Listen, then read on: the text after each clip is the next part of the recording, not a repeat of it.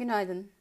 Anadolu Efes'in operasyonel olarak güçlü finansallarında 3. çeyrek FAVÖK rakamı 6.7 milyar TL ve net kar 2.1 milyar TL ile piyasa beklentilerini sırasıyla %11 ve %57 aşmıştır.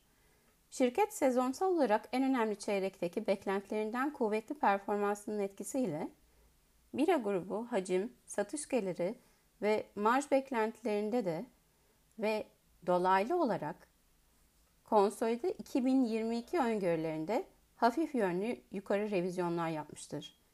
Finansallar ve makro beklenti revizyonlarıyla şirket için hedef fiyatımızı 71,5 TL'den 89 TL'ye revize ettik. Endeks üzeri getiri tavsiyemizi muhafaza ediyoruz. 2022 FAVÖK ve net kar beklentilerimizi sırasıyla %13 ve %80 yukarı çektik. Şirketin sonuçları hakkındaki telekonferansı bugün Türkiye saatiyle 4'tedir.